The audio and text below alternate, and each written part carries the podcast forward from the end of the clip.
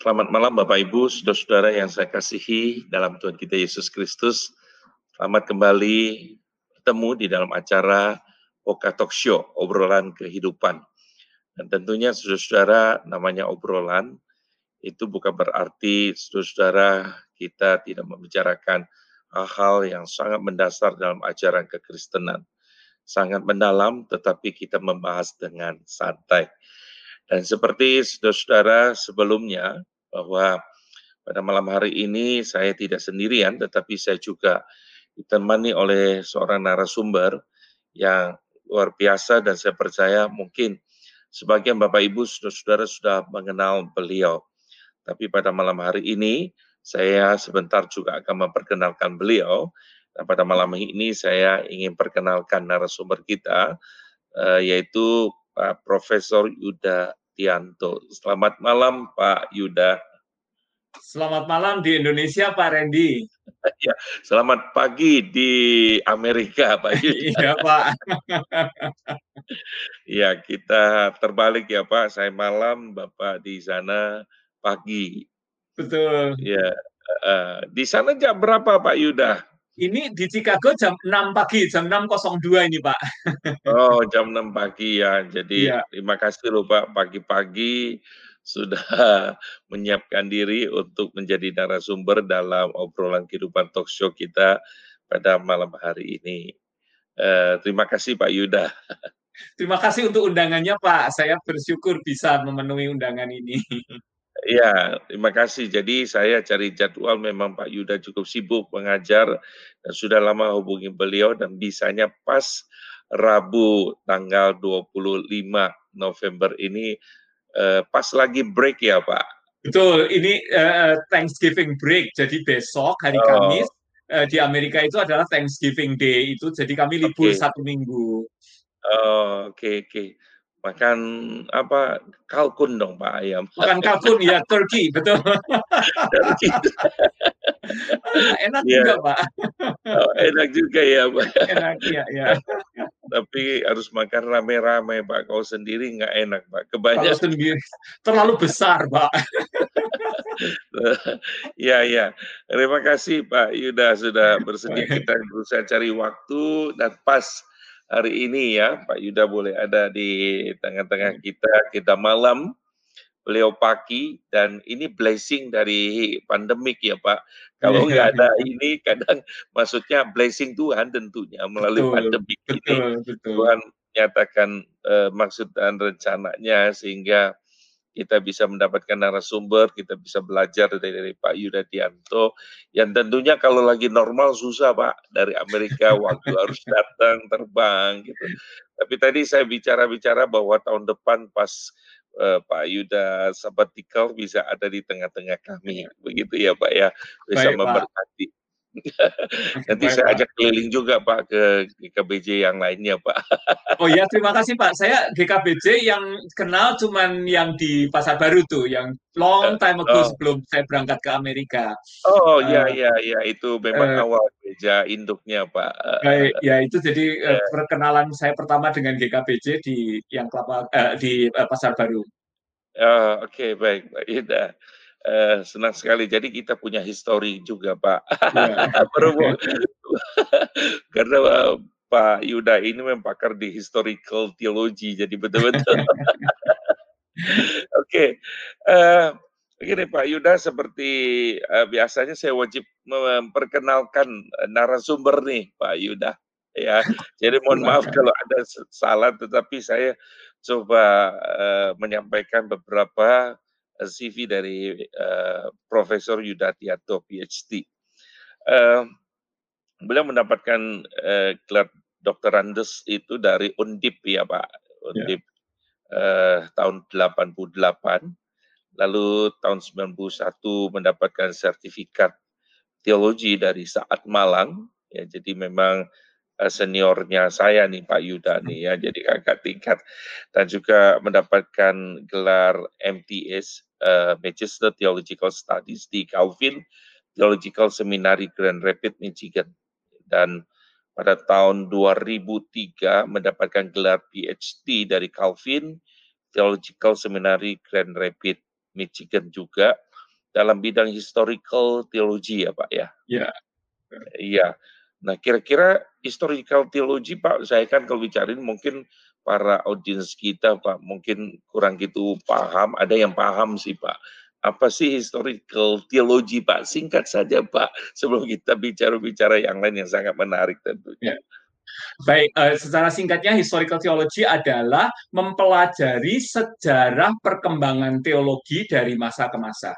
Jadi misalnya oh. contoh kata uh, tentang uh, Allah Tritunggal. Doktrin Allah Tritunggal yeah. itu kan tidak lahir begitu saja eh, tahu-tahu kita okay. sudah punya pemahaman yang lengkap kan. Itu ada pergumulan gereja dari sejak gereja mula-mula sampai sekarang. Jadi historical theology itu merunut perkembangan sejarah teologi um, dari masa ke masa. Nah, secara khusus bidang saya adalah uh, reformasi dan pasca reformasi, reformation and post reformation. Jadi okay. saya mempelajari uh, khususnya uh, um, uh, reformation Calvin ya. Jadi Calvin and Calvinism abad hmm. 16 dan abad 17 begitu Pak. Oh, Oke, okay. baik. Terima kasih Pak. Nanti kita hmm. akan pasti banyak hal yang kita bisa pelajari khususnya berkaitan ya. dengan uh, pas uh, reformasi dan juga pasca reformasi betul, begitu ya betul, Pak. Kita bisa diskusikan dan khususnya malam ini hanya sedikit sekelumit kita bicara tentang satu uh, perkembangan uh, uh, apa namanya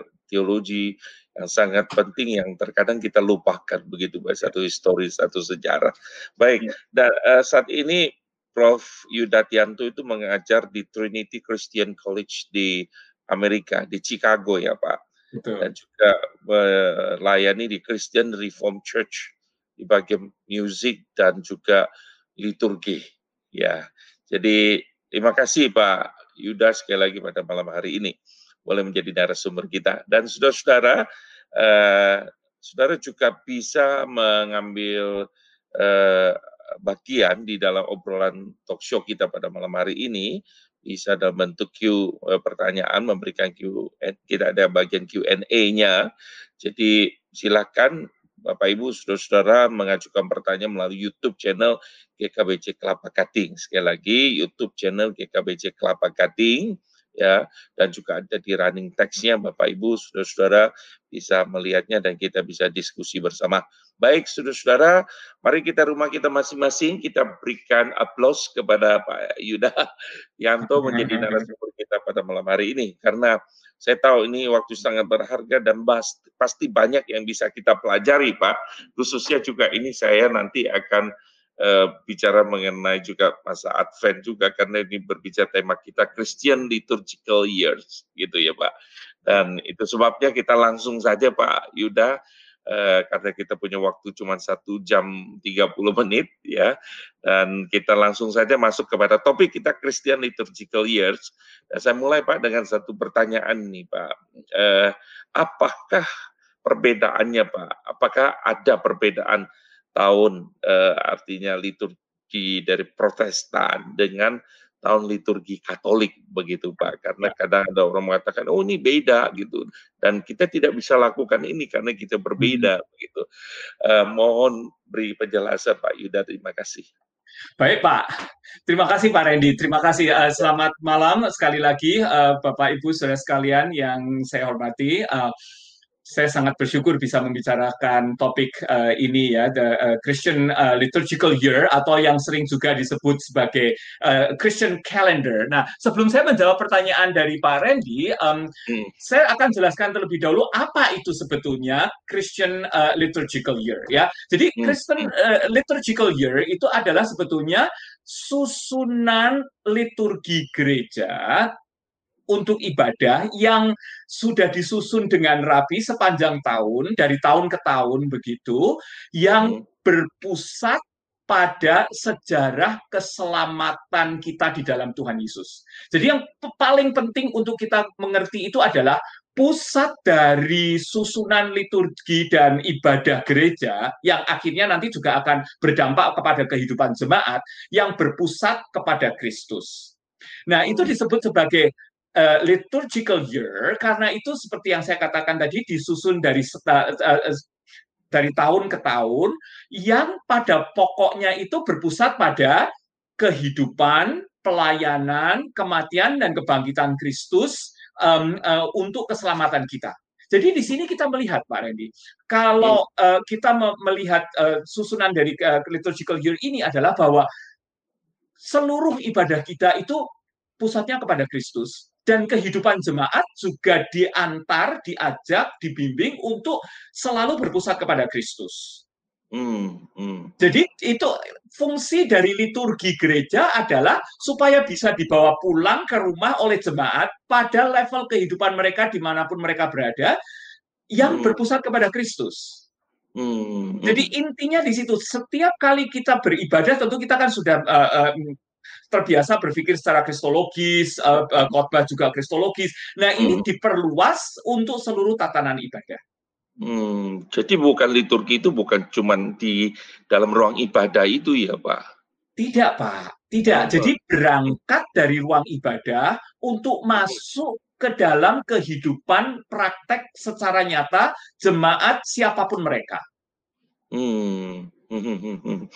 Jadi bukan orang pikir liturgi tadi cuma ada di gereja dan apa sih hubungannya relasinya? Kok nggak ada pikirnya seperti begitu ya Pak. Betul Pak, jadi justru itu. Maka pentingnya untuk gereja itu justru kak dengan mem, dengan mem, memfokuskan atau berpusat kepada liturgical year ini seluruh dari tahun ke tahun itu dari minggu ke minggu, bulan-bulan, tahun ke tahun jemaat memandang pada Kristus. Nah, e, sebetulnya di gereja di Indonesia ya sebelum saya menjawab pertanyaan Pak Randy ini yeah. panjang ini penjelasannya Pak. Iya, iya, iya. Uh, kita kan sebetulnya juga di gereja sudah hampir semua atau bahkan semua ya sudah mm, uh, mempraktekkan ini. Kita kan merayakan Natal, ya kan? Iya. Merayakan Natal 25 Desember itu Natal pasti. Lalu kita juga merayakan Paskah Uh, iya. Pasca itu kan juga pasti, nah itu tanggalnya pasca ganti-ganti itu nanti saya akan jelaskan Betul. belakangan ya. Okay. Uh, jadi kita Natal pasti pasca. Nah kalau pasca kan bukan cuma pasca saja, kita uh, Jumat Agung ada ibadah ya kan, Jumat Agung. Lalu Minggu Pasca kita ada ibadah. Lalu 40 hari setelah kebangkitan Kristus, kenaikan Tuhan Yesus ke surga hari Kamis uh, itu uh, kenaikan Tuhan Yesus ke surga. Lalu 10 hari berikutnya um, uh, hari Pentakosta, ya kan. Jadi itu kan iya. sebetulnya sebetulnya gereja kita sudah melaksanakan sebagian. Kalau toh uh, hmm. orang-orang Kristen terutama di Indonesia uh, tidak tidak uh, memahami sepenuhnya apa itu liturgical year, sebagian kita sudah melakukan um, uh, uh, perayaan-perayaan itu kan. Um, hmm. Itu hmm. itu uh, sudah berpusat kepada Kristus dan pada tentu saja Allah Tritunggal ya um, uh, kedatangan Roh Kudus, tetapi nggak sadar. Yang jadi masalahnya itu kebanyakan gereja-gereja di Indonesia itu tidak sadar sudah melakukannya. Itu yang hmm. pertama. Yang hmm. kedua, melakukannya masih belum komplit. Begitu, hmm. Pak. Jadi hmm. kalau kita membicarakan tentang liturgical year itu uh, kita melihat ada dua komponen besar. Dua komponen hmm. besar itu yang pertama adalah hari-hari perayaan itu tadi yang seperti yang sudah saya hmm. katakan uh, pas Natal, Jumat Agung, Paskah, Pentakosta itu dalam bahasa Inggrisnya disebut festival atau the festival days itu satu hari. Lalu hmm. ada juga yang namanya season atau masa masa.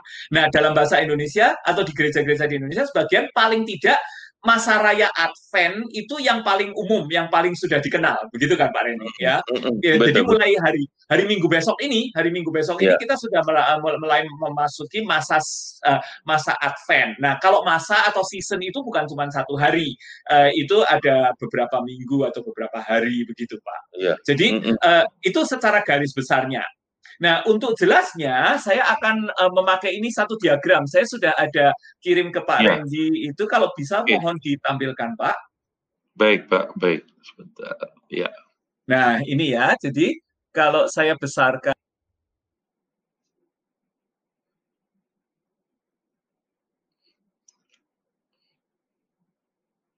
Uh, mohon maaf, saudara mungkin terputus karena uh, mungkin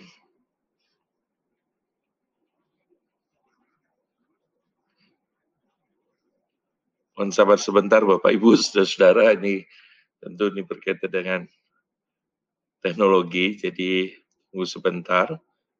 Jadi kita tadi lihat uh, beliau sudah menjelaskan ya bahwa sebagian gereja-gereja kita sudah lakukan sebenarnya yaitu liturgical years cuma mungkin tidak lengkap semuanya ya jadi kita ada festival di lalu kemudian ada uh, season gitu ya.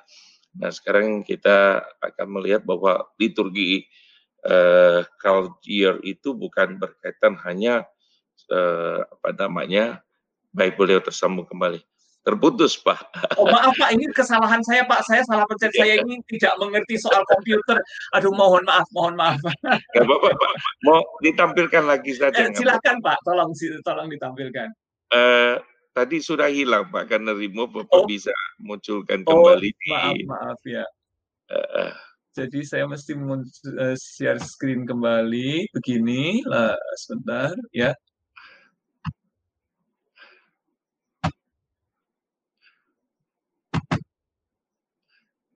Oh, sebentar, Pak.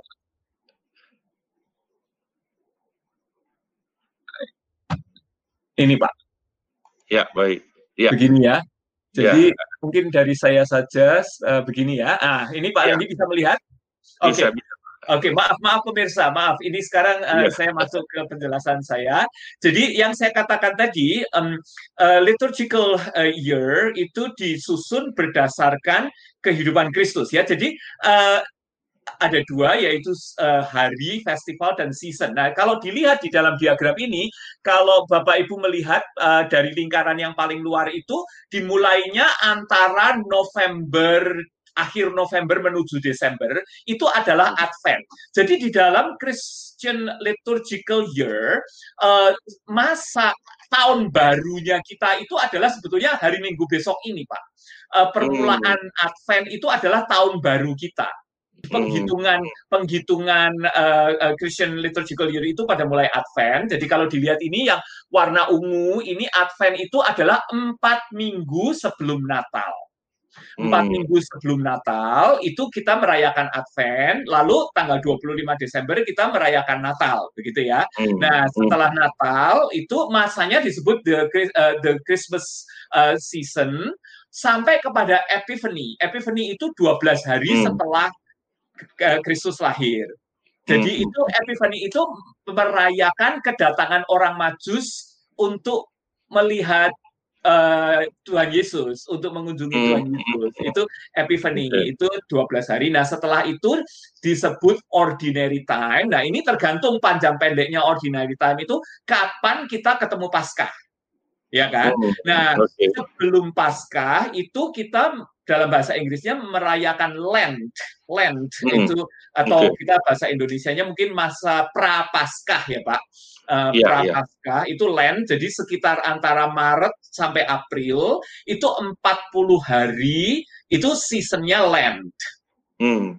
Yang okay. kemudian sampai kepada hari Minggu sebelum Paskah itu adalah uh, Palm Sunday ketika Tuhan Yesus masuk ke kota Yerusalem ya merayakan hmm. ke Tuhan Yesus masuk ke kota Yerusalem anak-anak dan orang-orang menyambut dengan itu hosana hosana hmm. hmm. Mubaraklah dia yang datang dengan nama uh, uh, uh, Tuhan uh, anak Daud itu kan jadi itu yeah. Palm Sunday lalu memasuki kita disebut sebagai the Holy Week satu minggu iya. itu mulai uh, Palm Sunday sampai Pasca itu disebut sebagai Holy Week. Nah, di dalamnya itu nanti ada ada Monday Thursday, itu hari Kamis memperingati Tuhan Yesus mencuci kaki murid-muridnya, lalu hmm. makan uh, makan Paskah, uh, mas, uh, Passover meal bersama dengan hmm. murid-muridnya, lalu Tuhan Yesus ditangkap. Itu hari hmm. Kamis malam. Lalu Jumat kematian Tuhan Yesus di kayu salib, Jumat Agung. Lalu Sabtunya disebut Sabtu Kudus, lalu hari Minggunya Minggu Paskah itu hmm. Easter uh, uh, Easter ya. Lalu hmm. setelah itu kan um, uh, Tuhan Yesus bangkit 40 hari memasuki masa Easter, Easter season sampai kepada kenaikan Tuhan Yesus ke surga. 10 hari berikutnya itu adalah Pentecost. Ini yang merah di dalam diagram saya ini yang warna merah itu jadi sekitar hmm akhir Mei awal Juni begitu itu uh, Pentecost. Nah setelah Pent uh, Minggu Pentecosta itu hari Minggu berikutnya itu disebut Trinity Sunday. Hari Minggu setelah Pentakosta itu disebut Trinity Sunday di mana uh, kita secara khusus uh, uh, merayakan Allah Tritunggal begitu. Nah, setelah Trinity Sunday kita memasuki yang disebut ordinary time lagi. Ordinary time Hmm. Itu biasanya yang paling panjang itu Pak. Jadi sekitar uh, Juni sampai pertengahan November. Hmm. Jadi okay. saat ini kita baru saja sedang mengakhiri ordinary time yang warna hijau ini di dalam diagram saya. Lalu kemudian uh, hari Minggu seperti yang saya katakan tadi itu kita memasuki masa Advent. Nah, hmm. saya harap cukup jelas ya nih Pak Randy itu penjelasan yeah, yeah, secara yeah. globalnya. Iya, iya. Ya, begitu. Uh, warna Silahkan. itu ada ada pengaruh ya Pak artinya bahwa ini tidak sembarang warna kan Pak ya? Betul Pak, betul. Tidak sembarang warna, betul. Jadi Bapak lihat di sini warna Advent dan Lent itu sama adalah warna ungu. Warna ungu itu uh, dalam uh, secara sejarah kuno di gereja ya itu adalah warna royalty, uh, royalty. Jadi uh, uh, kerajaan melambangkan yeah, yeah. kerajaan kan sejak zaman uh, Alkitab juga kita sudah mem memakai warna ungu kan waktu Tuhan Yesus dihina diberi jubah mm. ungu itu kan mm. sudah yeah, uh, sebenarnya kan lambang okay. royalty lambang raja begitu kan dan warna ungu mm. itu sejak zaman kuno itu dianggap sebagai warna yang paling susah untuk dibuat Pak untuk buat baju untuk kain warna ungu itu paling susah dan harganya paling mahal itu uh, iya iya iya tintanya. Kali dia penjual kain ungu begitu ya, Iya Pak? betul dari Tiatira betul. Ya, ya, Jadi ya. itu dia statusnya tinggi kan uh, di kota ya, Tiatira. Iya iya iya. Ya, Eh, jadi warna Advent dan Lent itu sama, warnanya ungu. Itu men men hmm. mengingatkan kepada kita tentang the royalty of Christ, ya Christ hmm. uh, sebagai raja. Lalu uh, warna putih itu dipakai putih atau emas, putih atau emas itu dipakai untuk Christmas dan Easter. Untuk oh. Jadi di sini kita melihat ya kelahiran Kristus dan uh, kematian Kristus, kebangkitan Kristus itu uh, warnanya sama, uh, adalah putih. Kemudian warna hijau, uh, hijau itu dipakai untuk yang ordinary time. Hmm.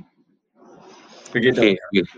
Nah, itu secara globalnya. Nanti kita bisa kembali ke ke diagram ini lagi kalau perlu Bapak bisa kalau bisa apakah saya yang stop sharing atau Bapak yang stop sharing ini? Uh, Oke, okay, Pak. Saya saya stop dulu supaya Kalau, kembali Bapak perkecil lagi supaya muncul lagi. Oke, okay, saya perkecil begini. Uh, Oke. Okay. Oke. Okay. Bisa lihat. Ah, ya. saya bisa lihat. Oke, okay, terima kasih. Kita bisa kembali ya, begitu ya. ya. Jadi uh, itu tadi penjelasan saya tentang uh, the Christian liturgical year secara global. Nah, sebelum uh, tadi sebelum saya menjawab pertanyaan Pak Randy, sekarang saya jawab pertanyaan Pak Randy. Maaf nih Pak, panjang yeah. sekali. Iya, nggak apa-apa Pak. Jawabannya adalah tidak ada bedanya Pak. Jadi antara sekarang ini yang dipakai oleh uh, beberapa gereja Protestan dan yang dipakai uh, oleh gereja Roma Katolik itu kalendernya sama.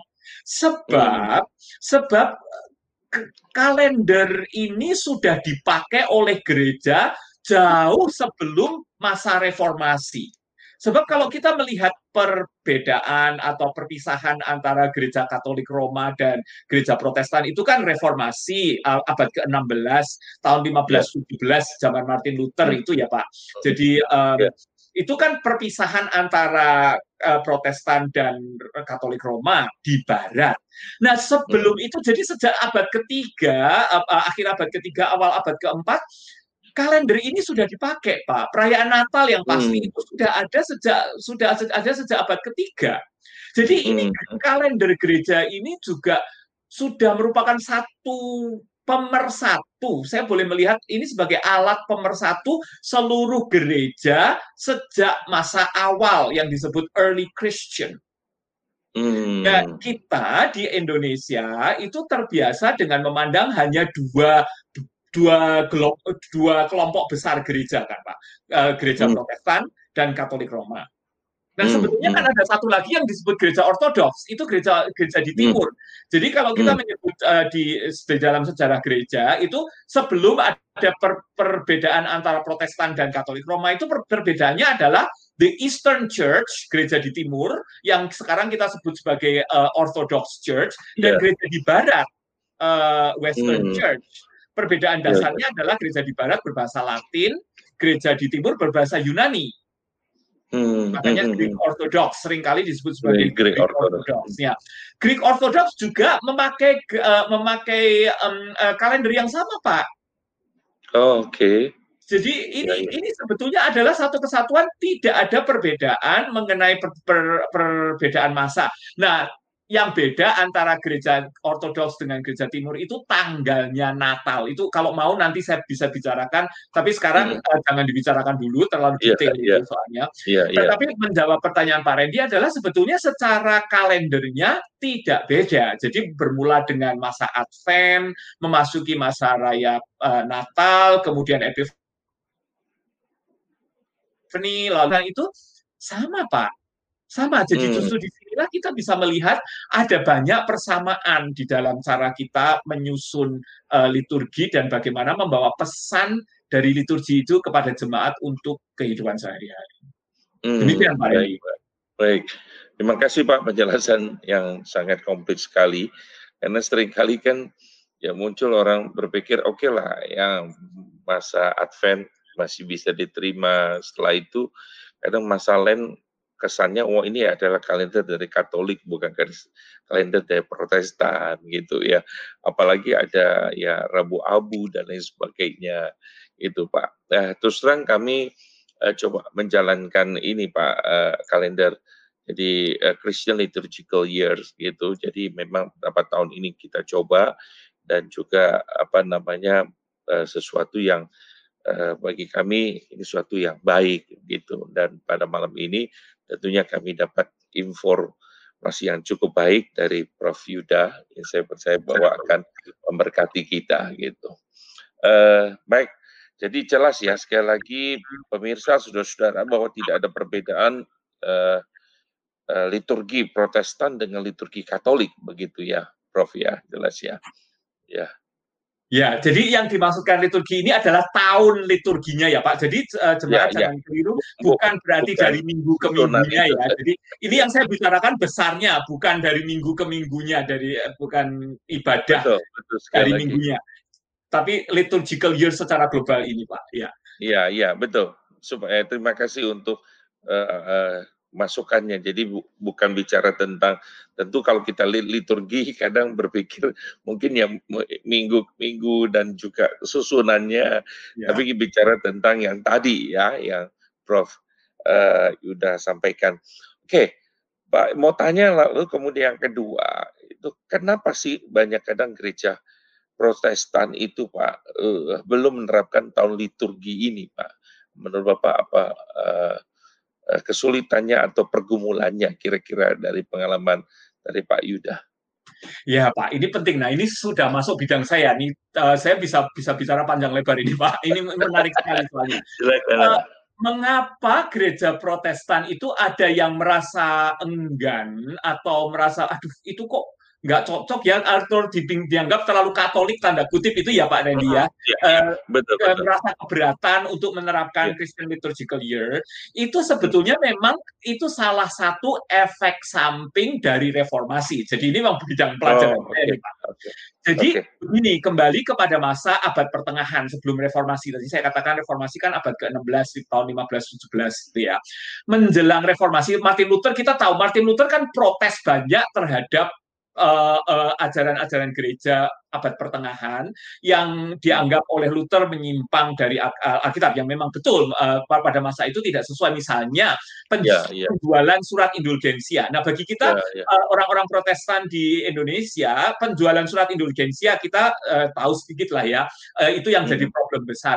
Tapi sebetulnya hmm. problemnya bukan cuma penjualan surat indulgensia Pak ada hmm. berbagai macam praktek-praktek di dalam gereja yang kemudian uh, tidak lagi uh, sesuai dengan tujuan dari liturgical year ini termasuk juga di dalam tidak sesuai dengan ajaran Alkitab. Saya jelaskan begini Pak, masih berpusat kepada uh, liturgical year ini ya. Iya, nah, yeah, liturgical year ini tadi kan yang saya jelaskan itu kan secara global, saya menunjukkan persamaan antara baik yang dari Katolik Roma maupun Protestan maupun juga uh, uh, gereja di Timur, Greek, Greek Orthodox. Hmm. Nah, tetapi hmm. pada prakteknya sekarang yang jadi masalah kan begini Pak ada satu landasan ajaran atau teologi yang bagus sekali. Hmm. Itu ajaran landasan uh, uh, uh, teologinya. Prakteknya bagaimana? Lalu bagaimana itu kemudian disampaikan kepada jemaat? Itu kan bisa beda-beda. Nah, pada Hmm. abad pertama pertengahan itu yang jadi praktek yang tadi saya katakan kan ada dua nih Pak komponennya. Hari perayaan, festival day dan Hmm. season. Ya kan? Oke. Nah, hari perayaan itu tadinya saya mengatakan itu kan berpusat kepada Kristus semuanya. Kalau yang yang Hmm. benar harus berpusat kepada Kristus. Hmm. Tetapi di abad pertengahan hari perayaannya itu berkembang terlalu luas menjadi hari-hari yang disebut sebagai hari santo atau santa. Sampai sekarang kalau kita Hmm. yang dari uh, latar belakang Katolik Roma itu kan uh, mengenal ya ada ada Saint Anthony, ada, ada uh, uh, patron saint ya. Jadi Saint Anthony, Hmm. ada Saint Cecilia, ada Saint Elizabeth dan sebagainya. Jadi ada banyak sekali hari-hari yang merayakan para santo dan santa itu biasanya itu Hmm. adalah hari ulang tahunnya santo atau santa tersebut, Pak. Hmm. Hmm. Hmm. Nah, oke. yang paling gampang, yang mungkin banyak pemirsa di Indonesia yang paling kenal itu kalau saya bilang Februari tanggal 14. 14 Februari itu apa? Nah, ini terutama Hmm. yang pemuda-pemudi yang masih muda yang masih sedang jatuh cinta tahu ya uh, Iya. itu Saint Valentine's Day kan. Nah Iya, itu iya. kan itu kan hari ini itu disebut Saint Valentine's karena uh, um, Valentine itu dianggap sebagai orang kudus begitu kan. Ya, oke. Ulang tahunnya tanggal 14 Februari. Jadi dirayakan tanggal 14 Februari itu sebagai Saint Valentine's Day. Atau contoh lain lagi 6 Desember kalau tanggal 6 Desember sebe- dulu waktu saya kecil itu di uh, di rumah dengan orang tua dan juga di gereja di, di Semarang waktu itu merayakan hari apa Saint Nicholas Day, Sinterklaas kalau bahasa Belandanya. Oke, Sinterklaas oke. itu ulang tahunnya tanggal 6 Desember. Makanya tanggal 5 Desember kita taruh ini, taruh jerami di sepatu kita supaya dimakan oleh kudanya Sinterklaas. Kemudian kita Hmm. dikasih kado oleh Sinterklaas pada Hmm. malam tanggal 5 Desember menuju tanggal 6 Desember. Nah, itu itu ekses, Pak. Itu kelebihan Hmm. Hmm. Hmm. dari- Hmm. yang ke- keluar dari abad pertengahan di mana ada Oke. banyak lagi santo-santa tersebut yang kemudian pada zaman reformasi oleh Luther terutama oleh Calvin itu semua ditolak. Hmm. Hmm. Jadi di situ awal mulanya Protestan mulai menghindari uh, uh, liturgical year itu walaupun sebetulnya Luther atau Calvin dan reformator-reformator yang lain itu tidak menghindari hari-hari besar yang berpusat kepada Kristus.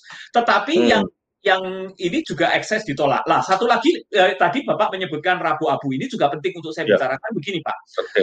eh, pada abad pertengahan, pada masa Lent atau em, eh, apa prapaskah itu, itu Hmm. jemaat dikatakan untuk kita berfokus kepada Kristus. Tujuannya kan supaya tujuannya kan baik sekali secara teologis. Tujuannya kan baik sekali supaya jemaat itu berpusat kepada Kristus, berdoa menjelang Kristus eh, eh, apa kesengsaraan Kristus dan kebangkitan Kristus, berdoa Hmm. dan berpuasa. Ajaran gereja itu sebetulnya untuk menunjukkan supaya kita hidupnya pious, supaya hidupnya kita saleh kan. Tujuan Hmm. dari liturgi ini seperti yang saya katakan, katakan tadi dari minggu di gereja dibawa pulang di dalam kehidupan kita sehari-hari. Tujuannya sangat baik supaya jemaat Hmm. itu berpusat pada Kristus. Nah, tetapi gereja kan kemudian mengatakan, oke, selama masa Lent jemaat harus puasa. Puasanya bagaimana? Tidak boleh makan daging.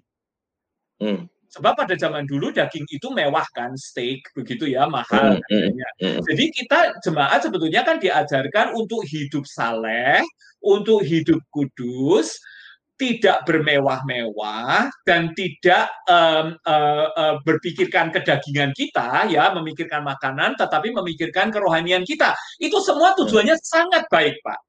Nah, Hmm. tapi prakteknya gereja menekankan tidak boleh makan daging. Nah, namanya kita Hmm. manusia kan, Pak, selalu cari loophole, Hmm. kita selalu cari bolongan untuk kita eh, gini. Oh, jadi nggak boleh makan daging ya, Pak? Oke, nggak boleh makan daging. Maksudnya daging itu daging sapi. Eh, Hmm. eh, nah, berarti kalau makan ikan kan boleh. Hmm.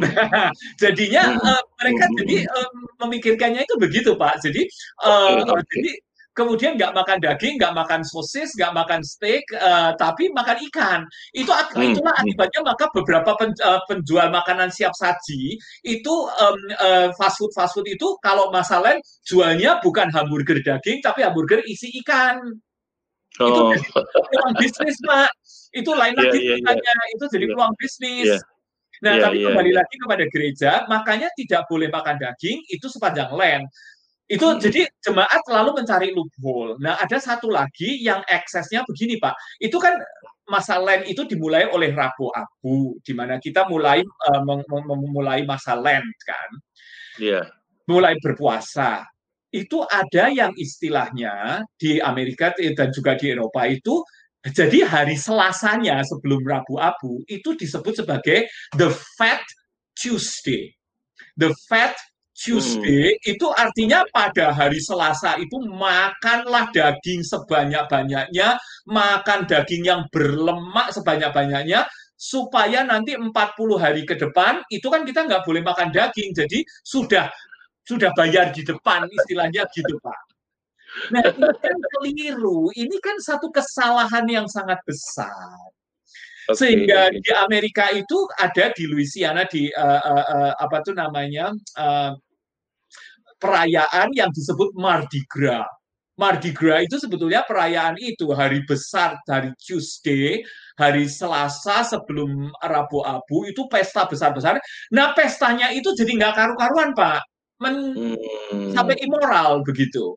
Oke okay, oke. Okay. Nah itu kan akses ekses, ekses ya, ekses kelebihannya. Yeah.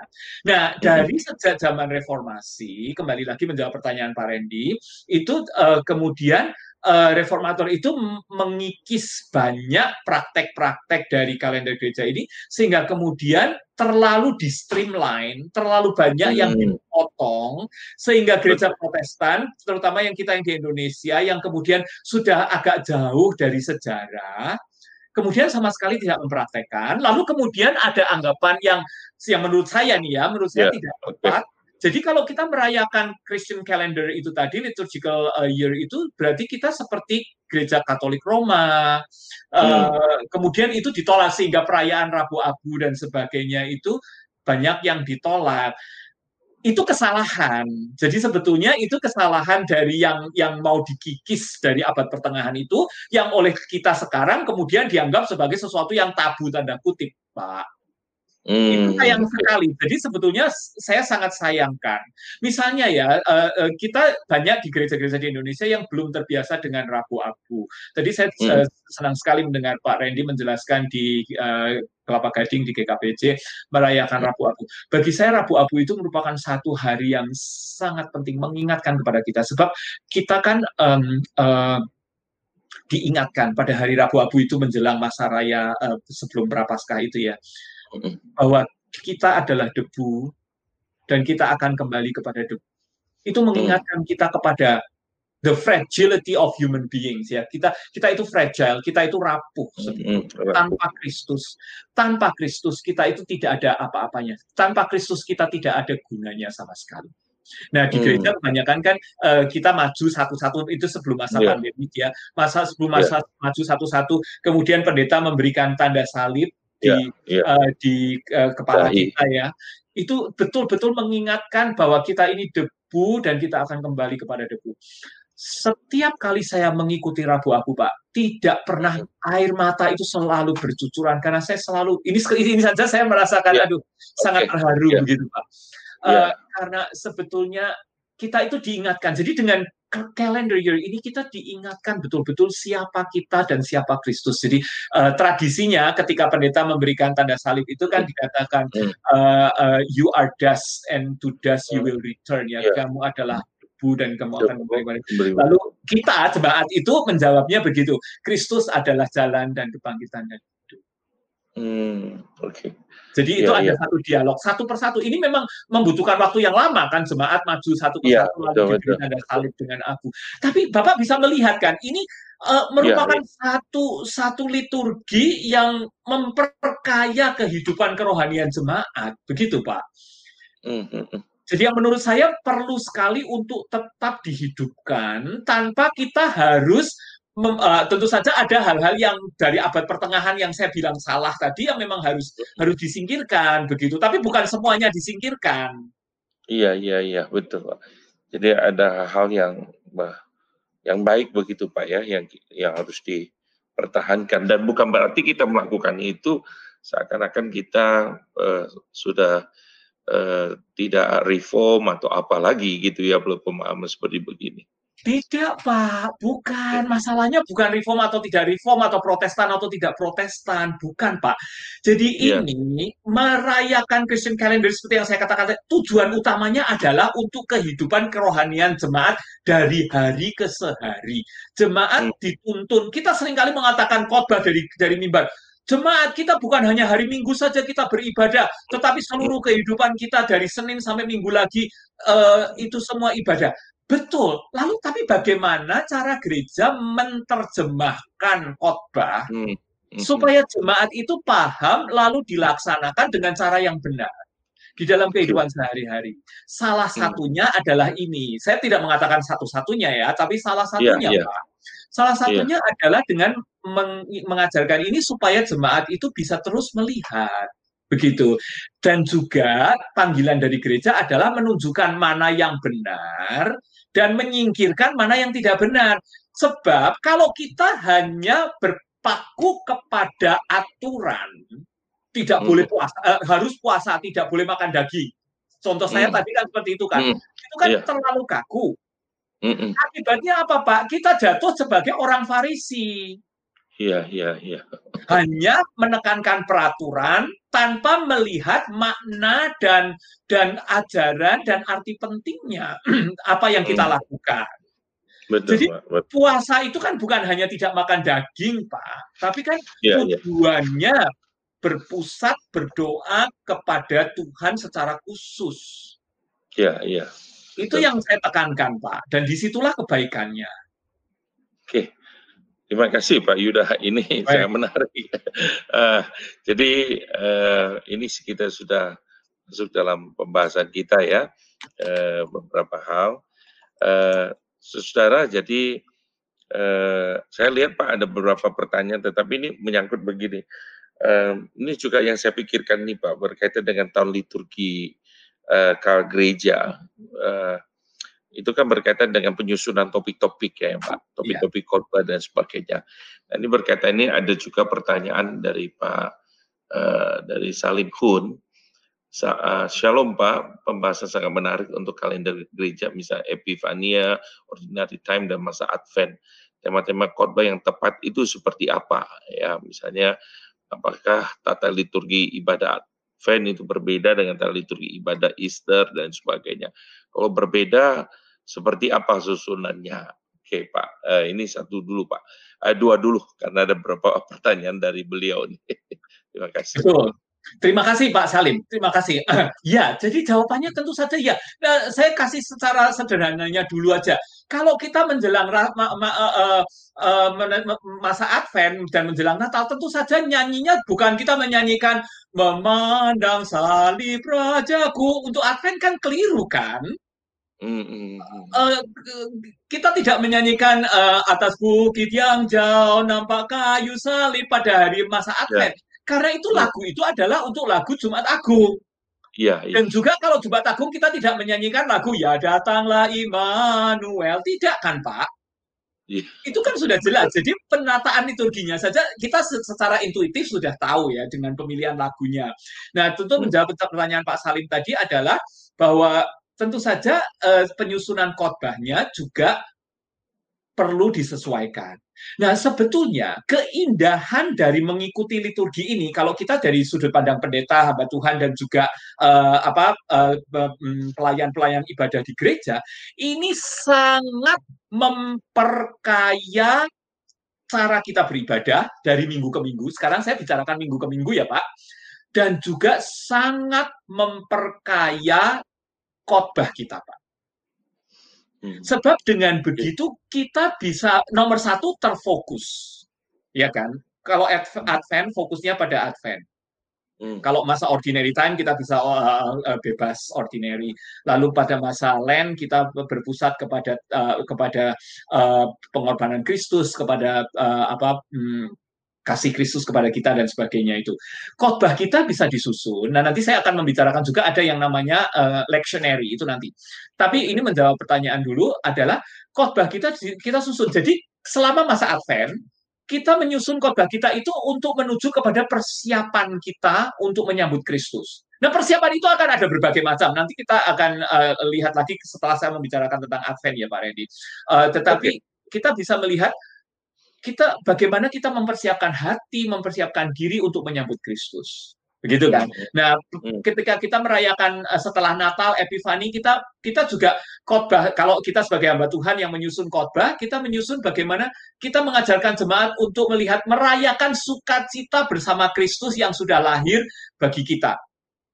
Begitulah. Nanti kemudian untuk untuk uh, land seperti yang saya katakan tadi bisa men, men, menunjukkan kepada bagaimana kita mengingat tentang pengorbanan Kristus dan bagaimana kita menyambut Kristus. Begitu kan. Uh, berespons terhadap kasih Kristus kepada kita, pengorbanan uh, uh, keselamatan kita. Itu sangat memperkaya. Jadi dari segi puji-pujiannya dulu di gereja, lalu komponen-komponen uh, uh, liturgi yang lain pada hari Minggu juga uh, khotbah itu sangat mendukung dan akan membuat jemaat kehidupannya justru menjadi lebih lebih hidup, lebih bervariasi dan uh, dan sangat rich, rich bukan dalam arti kaya secara keuangan ya Pak, yeah. jadi rich uh, deep begitu. Itu jawaban hmm. pertanyaan yang pertama. Lalu uh, bagian kedua tadi apa ya Pak? Saya lupa. Uh, uh, apakah Oh iya, iya, tata ibadah, ya tentu saja betul, betul ya. Uh, tata ibadah Advent tentu saja berbeda dengan uh, tata uh, ibadah uh, Paskah tentu saja. Sebab uh, sesuai dengan seasonnya. Kalau season uh, Lent itu kan uh, lebih banyak uh, mempersiapkan ke kedatangan Kristus. Jadi lagu-lagunya kita menyanyikan lagu ya contohnya ya datanglah Immanuel atau uh, um, Lo uh, Rose is springing itu um, terbit sepucuk um, mawar dan sebagainya itu untuk mempersiapkan kedatangan Tuhan Yesus atau ini yang saya paling suka itu. Sebab kalau kita memikirkan tentang Advent tentang persiapan kedatangan Kristus itu kan kalau kita membaca dalam Injil Markus misalnya Yohanes uh, Pembaptis datang hmm. mempersiapkan. Itu kan prepare the way of the Lord. Hmm. ya kan? Prepare the way of the Lord. Um, itu kita bisa ada satu lagu yang saya suka sekali itu uh, simple sekali prepare the way of the Lord prepare the way of the Lord begitu ya itu hmm. kalau saya di gereja saya misalnya ya selama empat minggu itu empat minggu Advent itu uh, lagu pembukaannya dimulai semua dengan lagu yang sama prepare the way of the Lord tapi yang nyanyi beda-beda minggu pertama hmm. misalnya jemaat semua yang nyanyi lagu itu begitu tapi minggu keduanya nanti yang menyanyikan adalah paduan suaranya Lalu minggu hmm. ketiga ada soloisnya yang menyanyi. Lalu minggu keempat misalnya paduan suara anak-anak gitu. Jadi bervariasi. Jadi tidak bosan Pak. Jadi kita yang perlu pikirkan itu liturgi itu baku, tetapi hmm. tidak kaku. Itu formula hmm. saya, itu rumusan saya. Ya, okay. itu baku, artinya sama, ya kan baku. Itu sebab kita akan membantu jemaat untuk berpikir berpola. Kalau baku itu gampang diingat dan gampang dipraktekkan. Mhm. Baku, tapi tidak kaku. Kalau kaku itu mhm. berarti sama terus, sama terus. Nah, itu membosankan. Itu yang sering kali jadi problem di jemaat kan atau di gereja. Mhm. Begitu. Jadi baku tapi tidak kaku. Jadi itu saya jawab uh, se -se begini dulu untuk pertanyaan tadi, Pak. Oke, baik, Pak Yuda. Uh, ini kan berkaitan kadang kalau kita bicara tentang uh, belajar liturgi kan ada disebut dengan uh, gereja liturgikal, ada yang non liturgikal gitu Pak ya. Jadi cuma ada yang rasanya ini kalau kita ini yang Bapak ngomong tadi ini kok kaku gitu ya, ikutin gitu aturan-aturan gitu. Lalu ada yang coba ya udah kita fleksibel saja gitu. Uh, mengalir saja seperti begitu. Nah, fenomena kan ada gereja seperti begitu juga, Pak Nah, menurut Pak Yuda itu apakah tepat seperti begitu gitu. Ini sedikit saja Pak.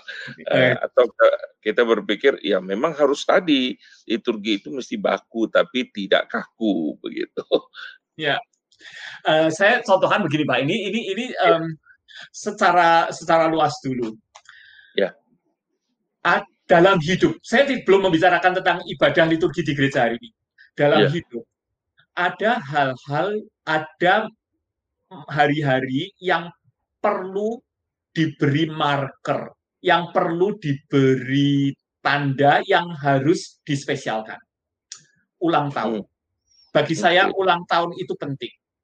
Bukan untuk pestanya, Pak, bukan untuk hura-huranya. Ulang tahun itu selalu penting untuk apa? Untuk mengingatkan kita bersyukur diberi hidup oleh Tuhan.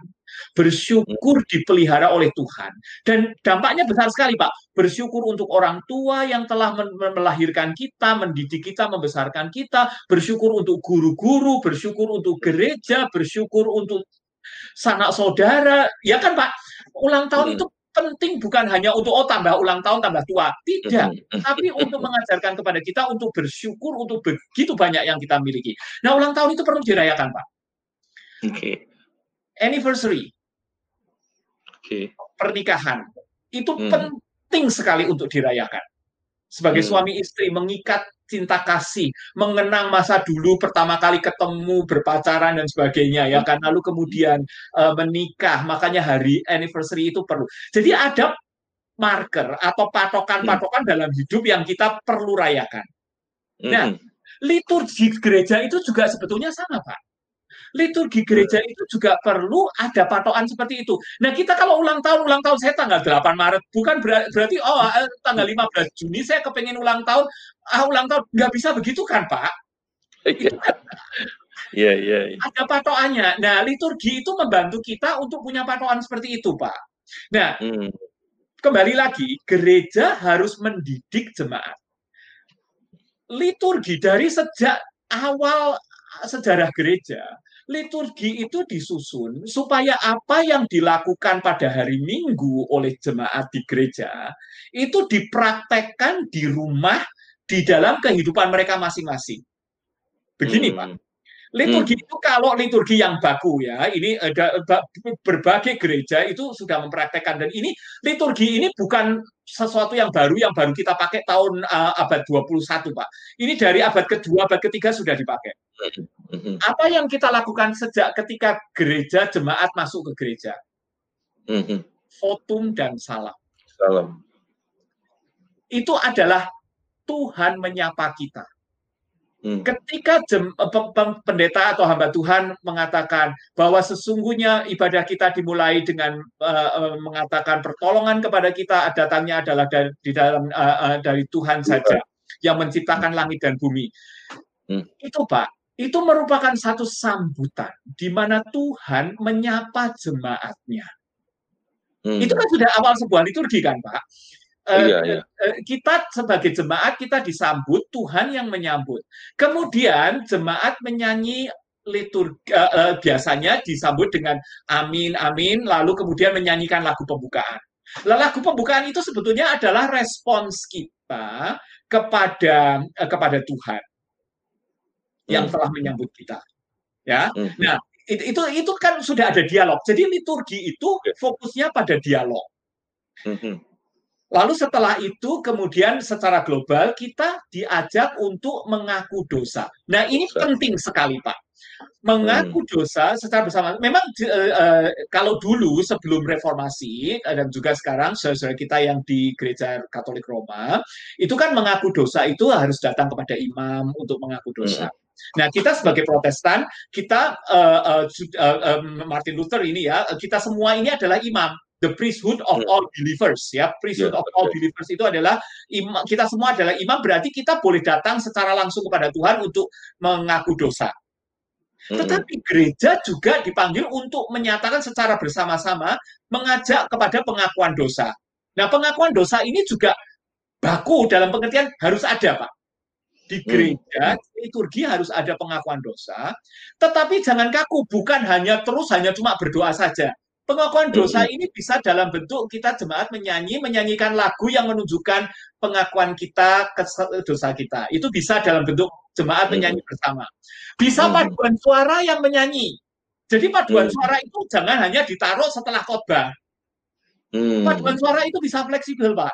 Paduan suara yang hari ini bisa menyanyikan um, uh, uh, bisa menyanyikan lagu yang isinya pengakuan dosa. Pengakuan dosa. Atau bisa juga solo, solois yang yeah. menyanyi. Bisa hmm. juga baca puisi, Pak. Baca puisi hmm. banyak puisi-puisi Kristen yang yang menyatakan pengakuan dosa. Hmm. Membaca puisi secara uh, jadi ini tujuannya adalah membawa jemaat untuk mengaku dosa. Lalu hmm. ada berita pengampunan dosa yang datang dari hamba Tuhan. Kalau ini datangnya harus hmm. dari hamba Tuhan. Hmm, hmm. Yang menyatakan di dalam Kristus semua dosa sudah diampuni.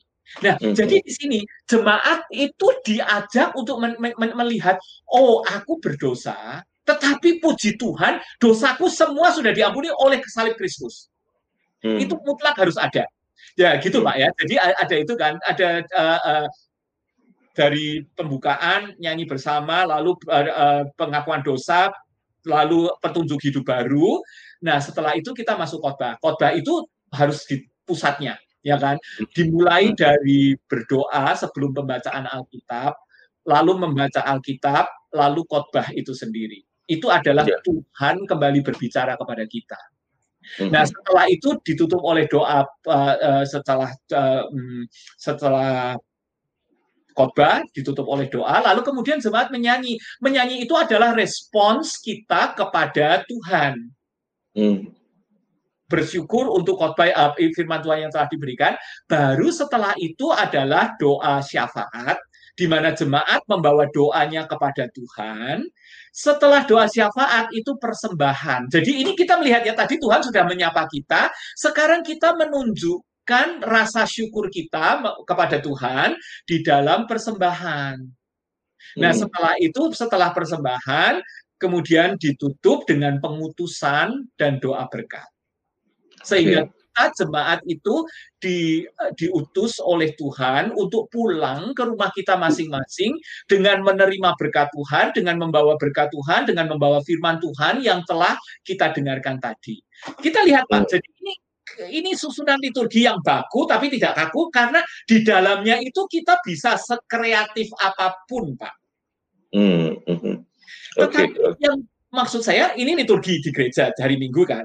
Nah, setelah yeah. itu tujuannya apa? Supaya di dalam kehidupan sehari-hari setiap jemaat 24 jam dari bangun pagi sampai tidur, itu jemaat juga membawa pikiran itu dengan pengertian bangun pagi kita berdoa kita disapa oleh Tuhan. Kemudian iya. di tengah-tengah hari kita memikirkan tentang firman kita bekerja, kita bekerja dengan mengucap syukur kepada Tuhan.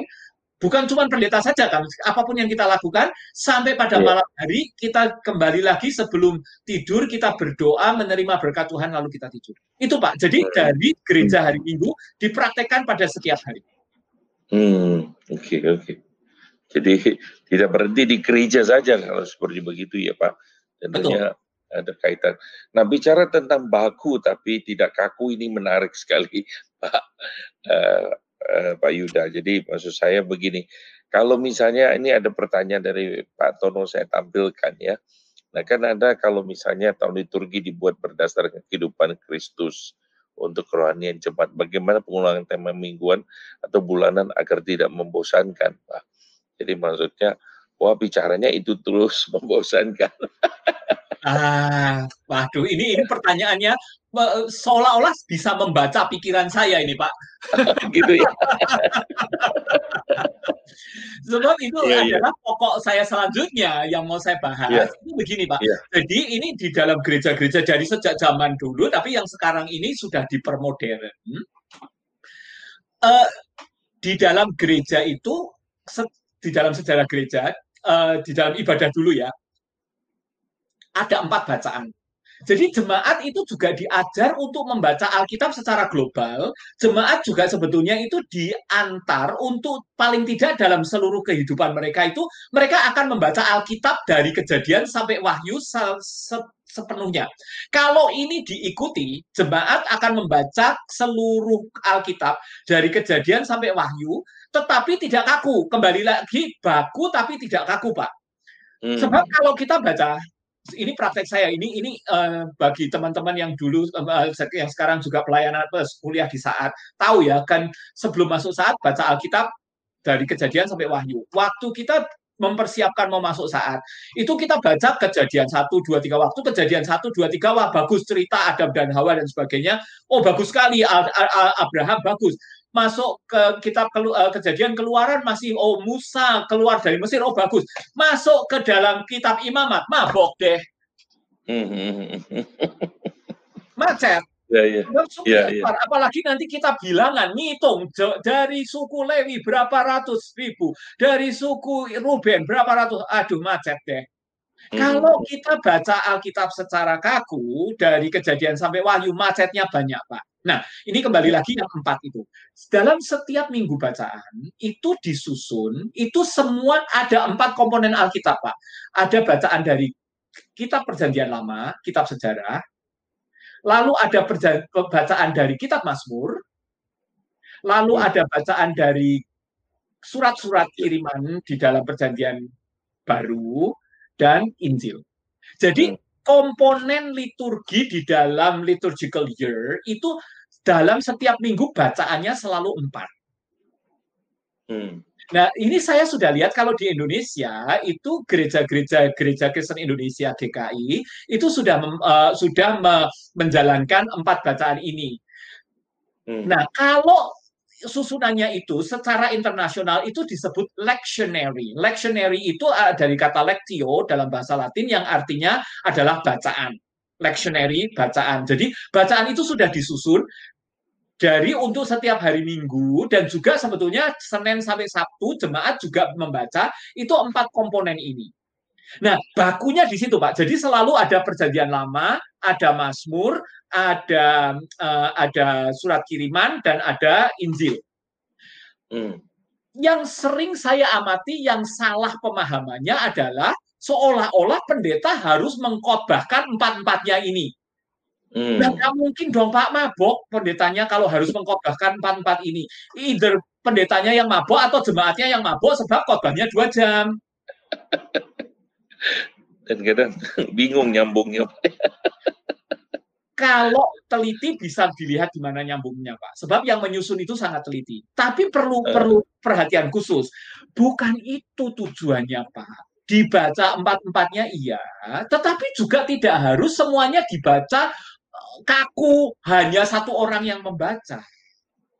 Empat ini bisa disusun, dimasukkan ke dalam liturgi. Satu, seperti yang saya katakan tadi, bisa dipakai sebagai uh, votum dan salam. Kalau cocok, bisa dipakai untuk votum dan salamnya.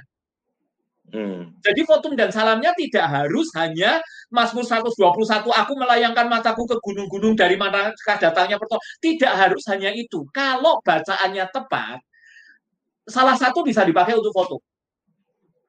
Lalu hmm. kalau baca kalau bacanya pas ada bisa dicari lagu pujian misalnya misalnya nih eh, eh, bacaannya untuk yang kita perjanjian lamanya itu adalah cerita tentang eh, panggilan Abraham um, itu um, di dalam bahasa Inggris ada satu lagu yang The God of Abram Praise judulnya.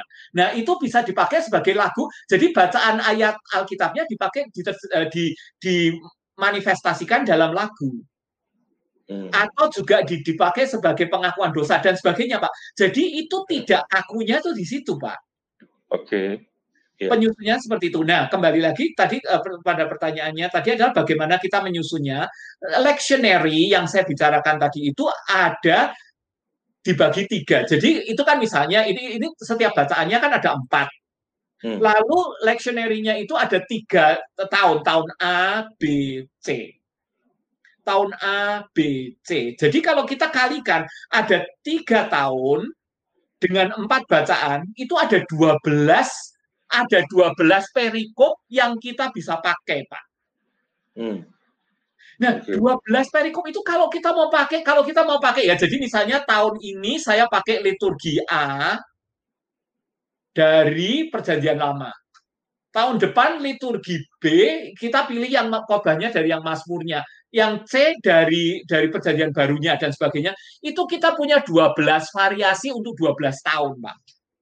Hmm. Kita sebagai pendeta hamba Tuhan bisa secara kreatif memanfaatkan leksioneri ini dari tiga tahun cycle-nya kan per tiga tahun tiap minggu ada empat bacaan kita pilih satu kita punya kita punya atau apa itu bank khotbah uh, saya punya bank khotbah pak jadi saya punya catatan khotbah khotbah hmm. yang yang bisa dipakai secara dalam keadaan darurat begitu kan kita hmm. punya bank khotbah 12 tahun pak 12 hmm. kali 52 khotbah.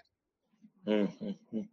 Lu itu kan kita sebagai hamba ini ini membicarakan hamba Tuhannya ya, nggak akan bosan, jemaat juga nggak akan bosan. Kalau toh misalnya nanti 12 tahun lagi kita mengkhotbahkan khotbah yang kita khotbahkan 12 tahun yang lalu, kalau ada dua jemaat yang masih ingat, kita bersyukur, Pak. Kalau ada dua anggota jemaat saja yang masih ingat, oh Pak Randy itu 12 tahun yang lalu sudah pernah khotbah khotbah tentang itu Pak Randy. Itu saya justru bersyukur. Kalau saya digitukan oleh jemaat, saya justru bersyukur. Artinya apa? Artinya jemaat saya ini ingat khotbah saya, nyentel bahasa yeah. Semarangannya. Betul kan Pak? Yeah. Jadi ini yeah. saya mau menunjukkan. Jadi sebetulnya liturgical year ini kalau tidak kaku itu memperkaya si hamba Tuhannya juga senang sekali bisa bisa mengalir mengajarkan ini. Kalau melihat susunannya sejemaat akhirnya bisa membaca Alkitab selama setahun. Kalau ini saya jelaskan dulu membaca seluruh Alkitab bukan selama setahun ya selama mengikuti cycle ini kalau diikuti baik yang hari Minggu maupun juga yang bacaan hari Senin sampai Sabtunya. Sebab ada itu Pak. Ada bacaan dari Senin sampai Sabtunya. Iya, begitu Pak. iya. Saya ya, harap itu membantu ya. Iya, iya. Ya, tentu saya menarik Pak, karena kita ini udah satu jam lebih tentunya Pak. Jadi memang banyak hal yang kita mau bicarakan, tapi ini berkaitan khususnya yang dekat ini dulu nih Pak, bicara tentang Advent gitu ya Pak. Kita bicara tentang Advent dulu gitu. Eh, apa namanya?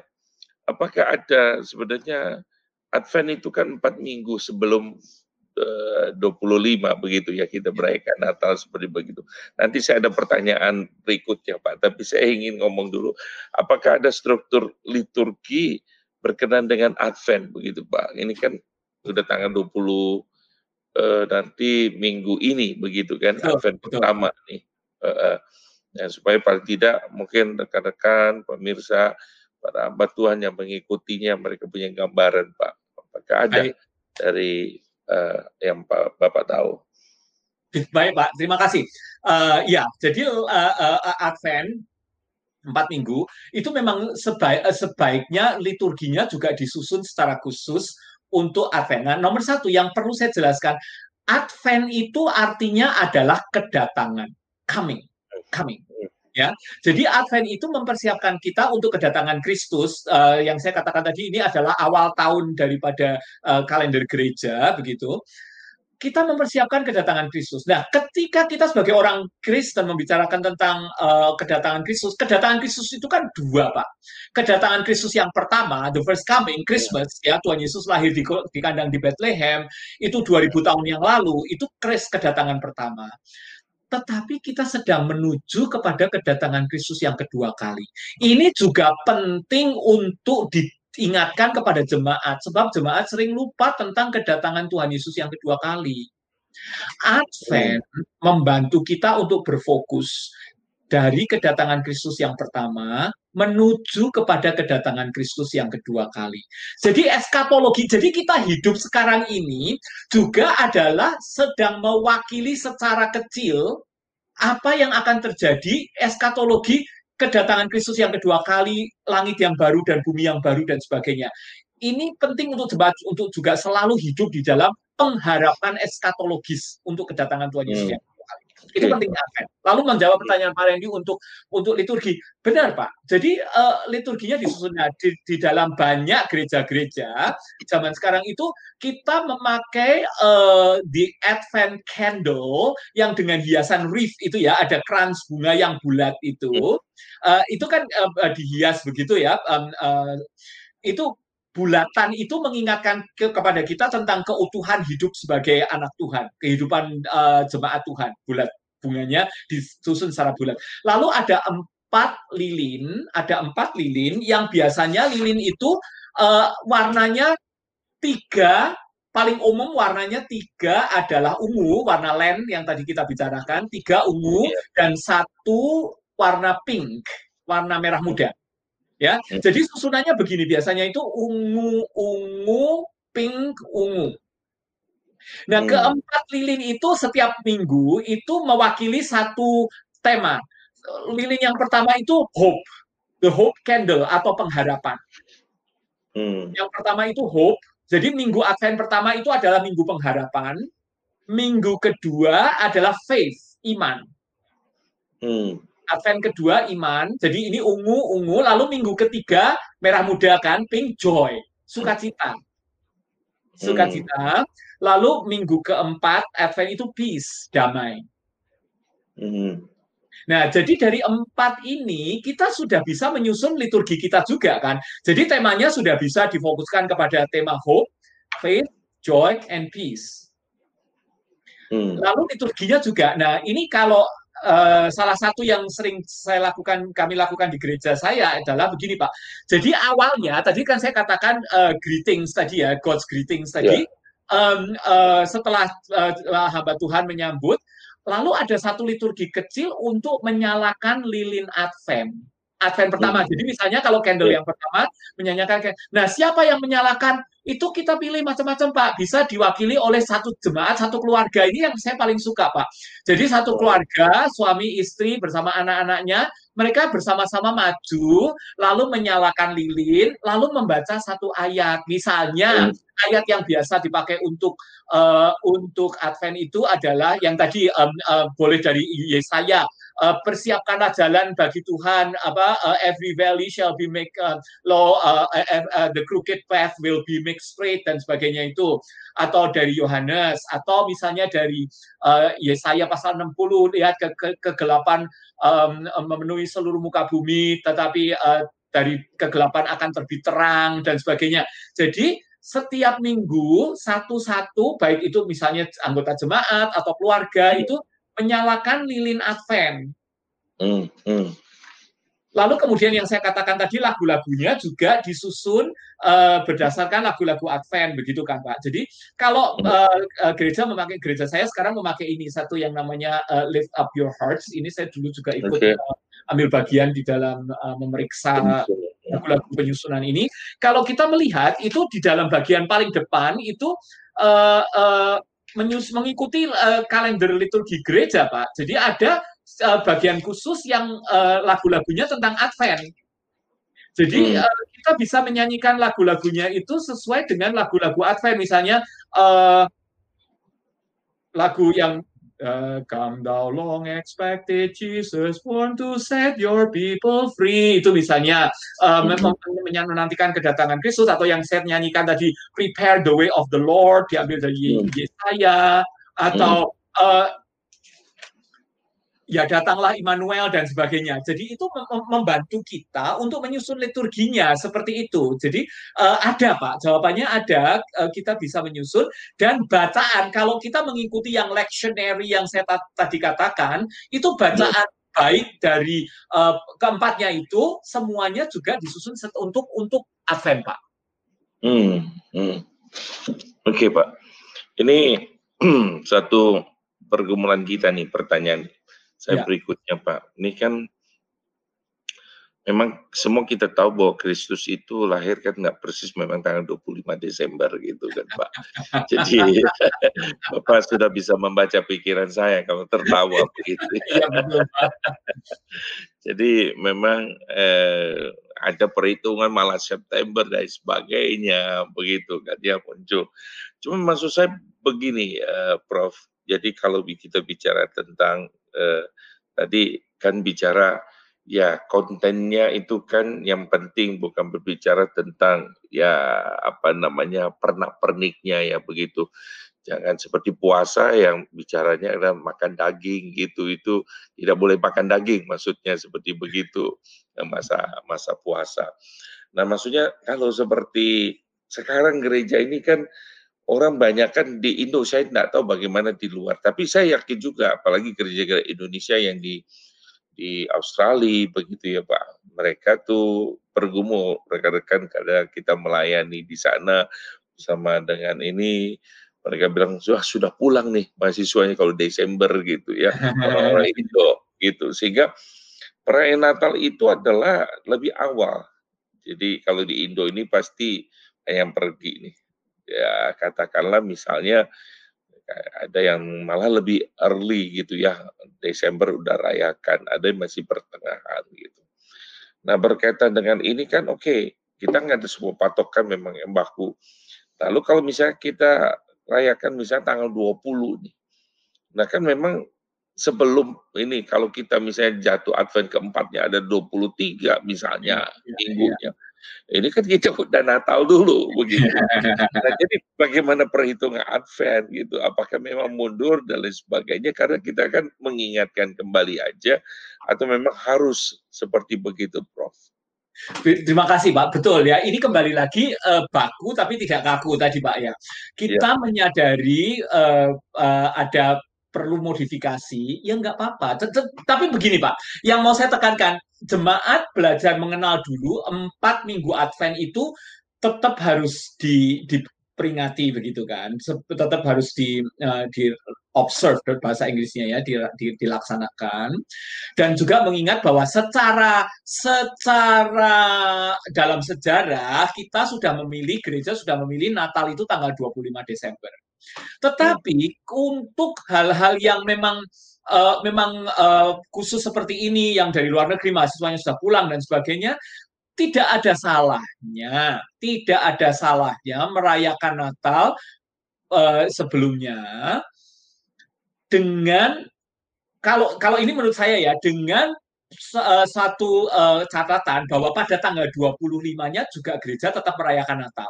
Walaupun tidak banyak yang hadir tidak masalah, tetapi tetap itu yang saya katakan tadi ulang tahun saya tanggal 8 Maret itu ya tetap diingat ulang tahunnya tanggal 8 Maret begitu loh Pak.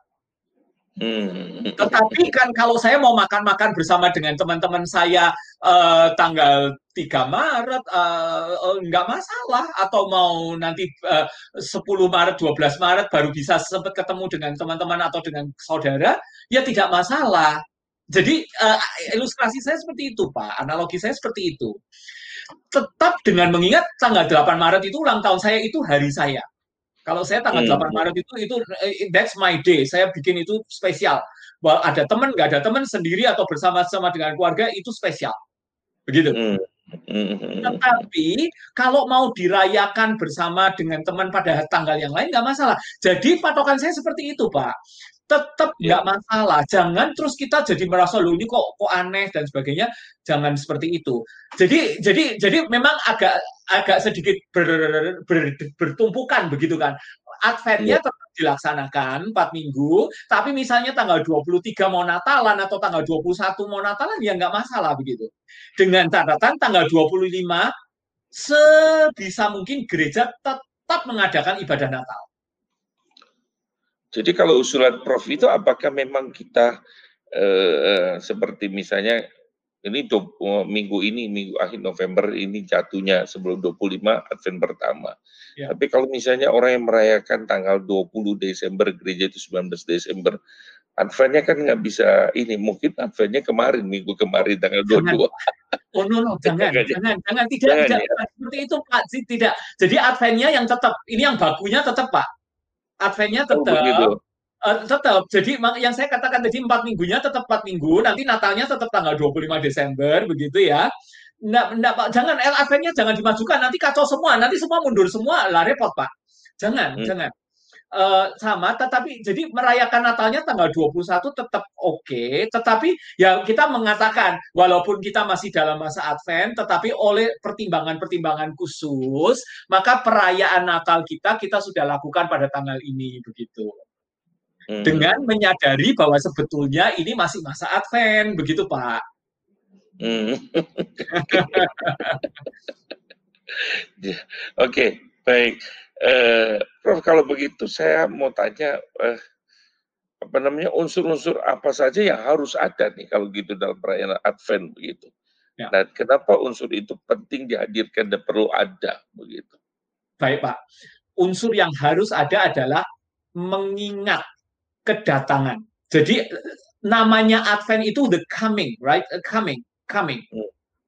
Uh, itu yang pertama. Jadi uh, yang harus ada itu adalah mengingat kedatangan Kristus. Nah, mengingatnya itu kan kita mengingat itu kan bisa dengan berbagai macam cara, Pak. Bukan cuma uh, bukan cuma mengenang kan. Mengingat itu uh, bisa juga dengan dengan suatu uh, untuk liturgi ya misalnya yang saya katakan tadi bisa berfokus kepada pers, uh, uh, mengingat nubuatan-nubuatan yang diberikan oleh Tuhan pada perjanjian lama yang menunjuk kepada um, kedatangan Kristus yang pertama, uh, kelahiran Kristus. Itu kan juga mengingat, ya kan? Hmm. Atau hmm. bisa juga mengingat tentang event-event, uh, peristiwa-peristiwa yang menyangkut um, uh, kelahiran Kristus. Jadi kita jadi tadi yang saya saya tunjukkan itu setara liturgi dan khotbah ya bisa mengambil dari perjanjian lama yang nubuatan-nubuatan yang menunjuk kepada kedatangan Kristus yang pertama. Bisa juga misalnya kita berfokus kepada uh, awal Injil Lukas itu hmm. mengingat uh, kisah tentang Sakaria, tentang Elizabeth, tentang Maria, tentang Yusuf, um, sebelum kelahiran Kristus. Itu kan juga mengingat. Jadi tahun tahun ini bisa pakai nubuatan perjanjian lama, tahun besok bisa memakai uh, uh, tentang awal Injil Lukas atau uh, Injil Markus ya tentang eh, Matius sorry Matius yang uh, Yusuf uh, mendapatkan mimpi itu tentang Maria dan sebagainya tahun ini. Nah tahun besoknya lagi mengingat bisa mengingat bukan kedatangan Yesus yang pertama, tetapi mengingat tentang kedatangan Tuhan Yesus yang kedua kali mempersiapkan uh, tentang kedatangan Tuhan Yesus yang kedua kali. Jadi komponen yang harus ada itu mengingat tentang the coming. Hmm, okay. Baik. Nah, tapi bentuknya seperti apa itu terserah masing-masing gereja. Jadi di sinilah tidak kakunya Pak, sehingga tidak membosankan yeah. dan jangan tahun demi tahun selalu sama. Kalau tahun demi tahun selalu sama, bosan. Oke, okay, oke. Okay. Dan memang harus kreatif begitu ya, Prof. Ya. Betul, ya. betul. Itu tidak mudah tentunya. Itu dia, Pak. Jadi kan yang tadi uh, Pak Randy juga sudah sebut di gereja saya itu saya di dalam tim liturgi. Jadi ini ada satu tim yang membantu pendetanya. Jadi bukan itu solo, bukan cuma pendetanya saja, bukan para pemusik saja, tetapi satu tim yang terus sudah menyusun uh, uh, liturgi itu jadi dari uh, sudah dibagi dari per tahun, per setengah tahun, per uh, kuartal, lalu kemudian per season begitu Pak, hmm. sampai pada per minggunya. Hmm. Seperti itu. Tapi kalau misalnya bagi uh, saudara-saudara uh, para um, uh, uh, pendengar ini uh, acara ini yang hanya seorang diri, kita juga bisa kalau toh tidak dalam tim misalnya, kita bisa paling tidak dengan dengan sketsa, dengan sketsa mengikuti kalender tadi, yang kemudian kita bisa bagi-bagi untuk kita pakai. Hmm, hmm, hmm, hmm. hmm. Ya, ya. Oke. Okay. Pak, uh, waktu kita tinggal sedikit, jadi uh, tentunya kalau lagi bicara ini sangat uh, menarik gitu ya, membuka banyak hal tentang kita. Khususnya memang ada sebagian mungkin pemirsa yang uh, baru bertahan dengar, ada yang juga sudah pernah mendengar dan itu memperdalam. Uh, dalam waktu uh, beberapa menit lagi kita akan selesaikan, Pak. Paling tidak saya ingin tanya dengan Prof. Yuda. Kira-kira apa yang Prof mau katakan tentang topik kita, khususnya berkaitan dengan Christian Liturgical Years ini?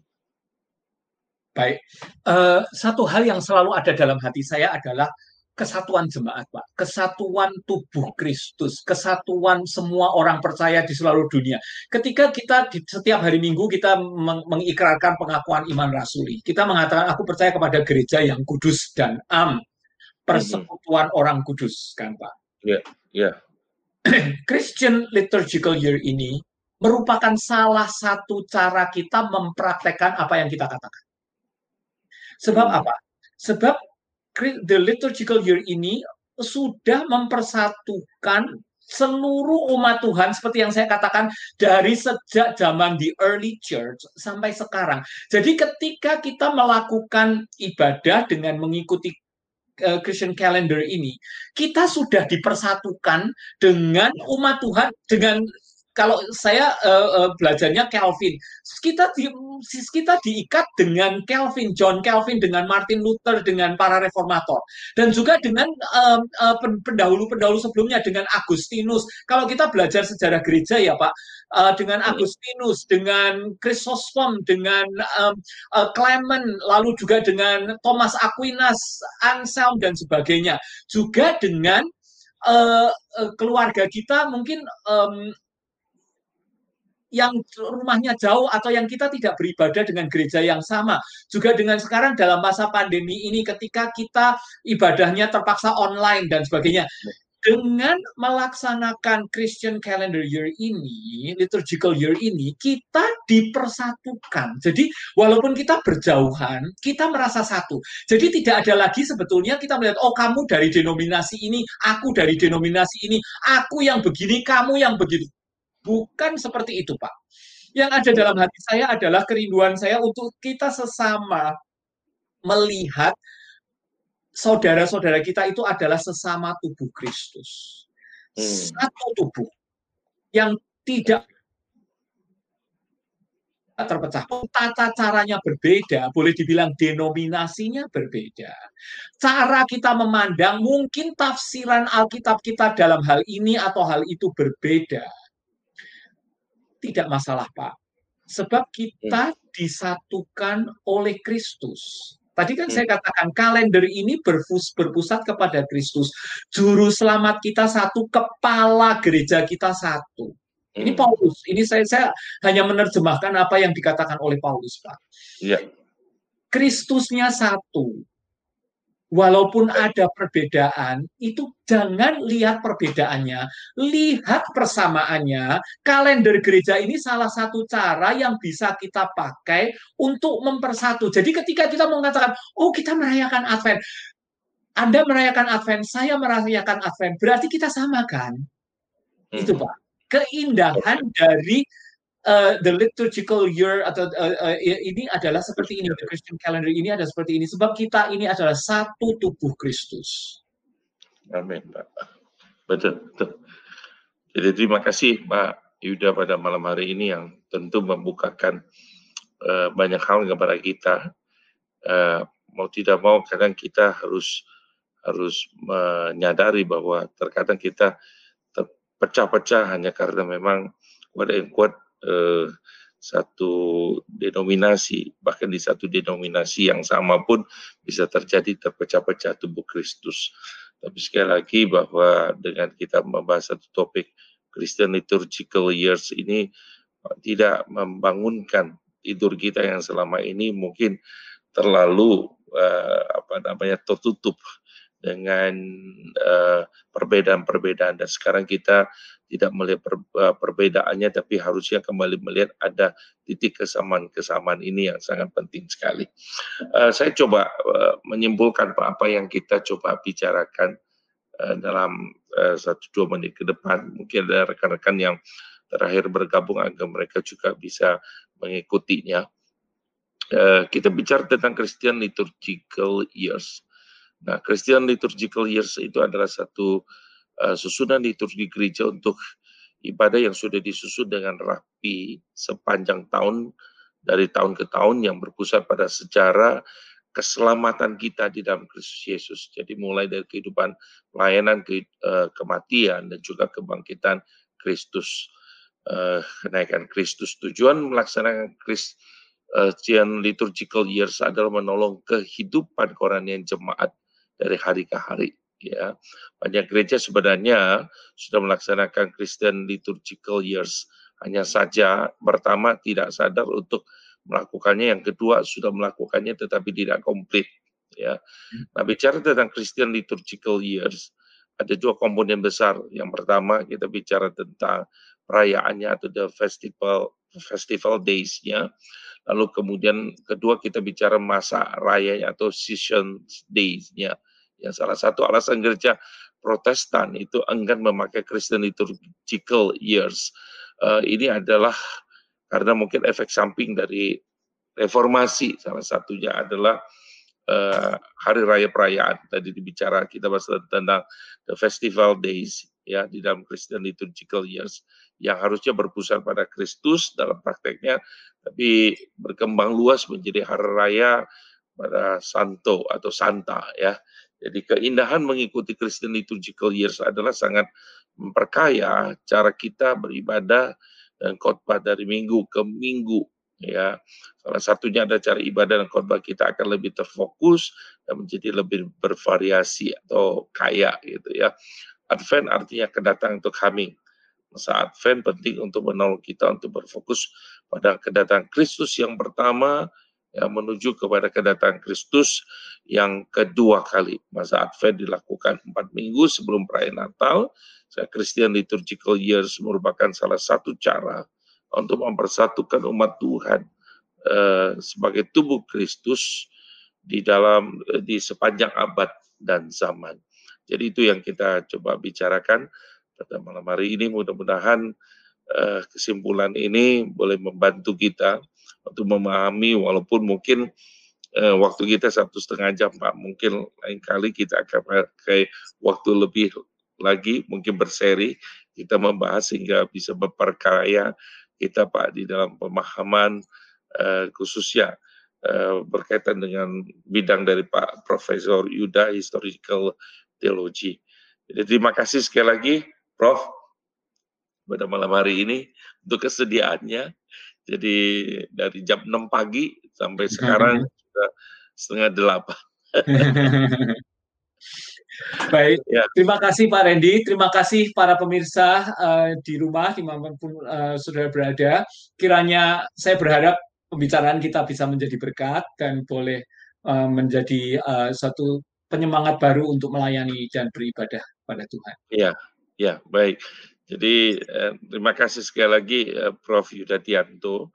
Eh, saya mewakili seluruh hamba Tuhan Majelis GKBC Kelapa Gading, pengurus kami pos yang di Kerawang dan yang di Solo, dan seluruh pemirsa pada malam ini menyampaikan terima kasih untuk kesedia menjadi narasumber kita yang sangat memberkati dan juga terima kasih untuk para pemirsa yang tetap setia dan sekali lagi saya ingin sampaikan bahwa Oke talk show kita mulai dari uh, Maret Pak sejak pandemi sampai pada saat ini setiap Rabu malam kita ada sampai saat ini puji Tuhan dan Tuhan kirim narasumber-narasumber yang sangat berkompeten di dalam bidangnya untuk bisa membantu kita dalam obrolan talk show. Tapi untuk Desember ini kita akan break dulu Prof karena memang dalam kesibukan kita mempersiapkan Natal dan kita akan kembali lagi nanti Januari dalam obrolan kehidupan show dan tentunya dengan narasumber yang juga uh, kompeten dalam bidangnya. Nanti kita juga berharap uh, Prof bisa meluangkan waktu juga untuk kita bicara berkaitan dengan uh, bidang Prof dalam historical theology yang membukakan wawasan kita. Baik, kita akan tutup dalam doa. Mungkin saya minta dengan hormat uh, Prof. Yuda Tianto untuk tutup dalam doa, mendoakan kami. Terima kasih, mari kita berdoa. Segala puji syukur kami panjatkan kehadiratmu ya Bapa yang mengasihi kami, yang telah memberikan kepada kami keselamatan di dalam Kristus. Terima kasih Tuhan, Kau mempersatukan kami dari berbagai gereja di banyak tempat melalui teknologi, melalui internet, sehingga kami boleh melaksanakan acara talk show pada malam hari ini. Bapak kami berdoa khususnya untuk pelayanan dari GKBJ Kelapa Gading, untuk Pak Randy dan seluruh hamba-hamba Tuhan yang melayani kiranya Tuhan terus mengaruniakan berkat-Mu dan kami berdoa untuk setiap kami, untuk setiap jemaat, untuk setiap pemirsa yang uh, mengikuti acara pada malam hari ini. Kiranya Tuhan yang beserta dengan kami, Tuhan yang menuntun kami, baik di dalam kehidupan kami, di dalam melayani Tuhan, dan khususnya di dalam masa pandemi ini, Tuhan lindungi kami, dan kiranya Tuhan saja yang memberikan pertolongan dan memberikan perlindungan pada kami semua. Kami serahkan hidup kami di dalam nama, di dalam perlindungan kasih karunia Tuhan Yesus Kristus di dalam persekutuan dengan Roh Kudus. Amin. Amin. Baik, terima kasih sekali lagi Prof. Yuda Tianto pada malam hari ini. Tuhan memberkati. Terima kasih kepada seluruh pemirsa. Tuhan juga memberkati. Kita dengan semangat walaupun dalam masa pandemik ini kita tahu Tuhan terus terus turut bekerja dalam kehidupan kita dan kita terus bisa melayani Tuhan bagi hormat kemuliaan Tuhan. Selamat malam, Tuhan memberkati.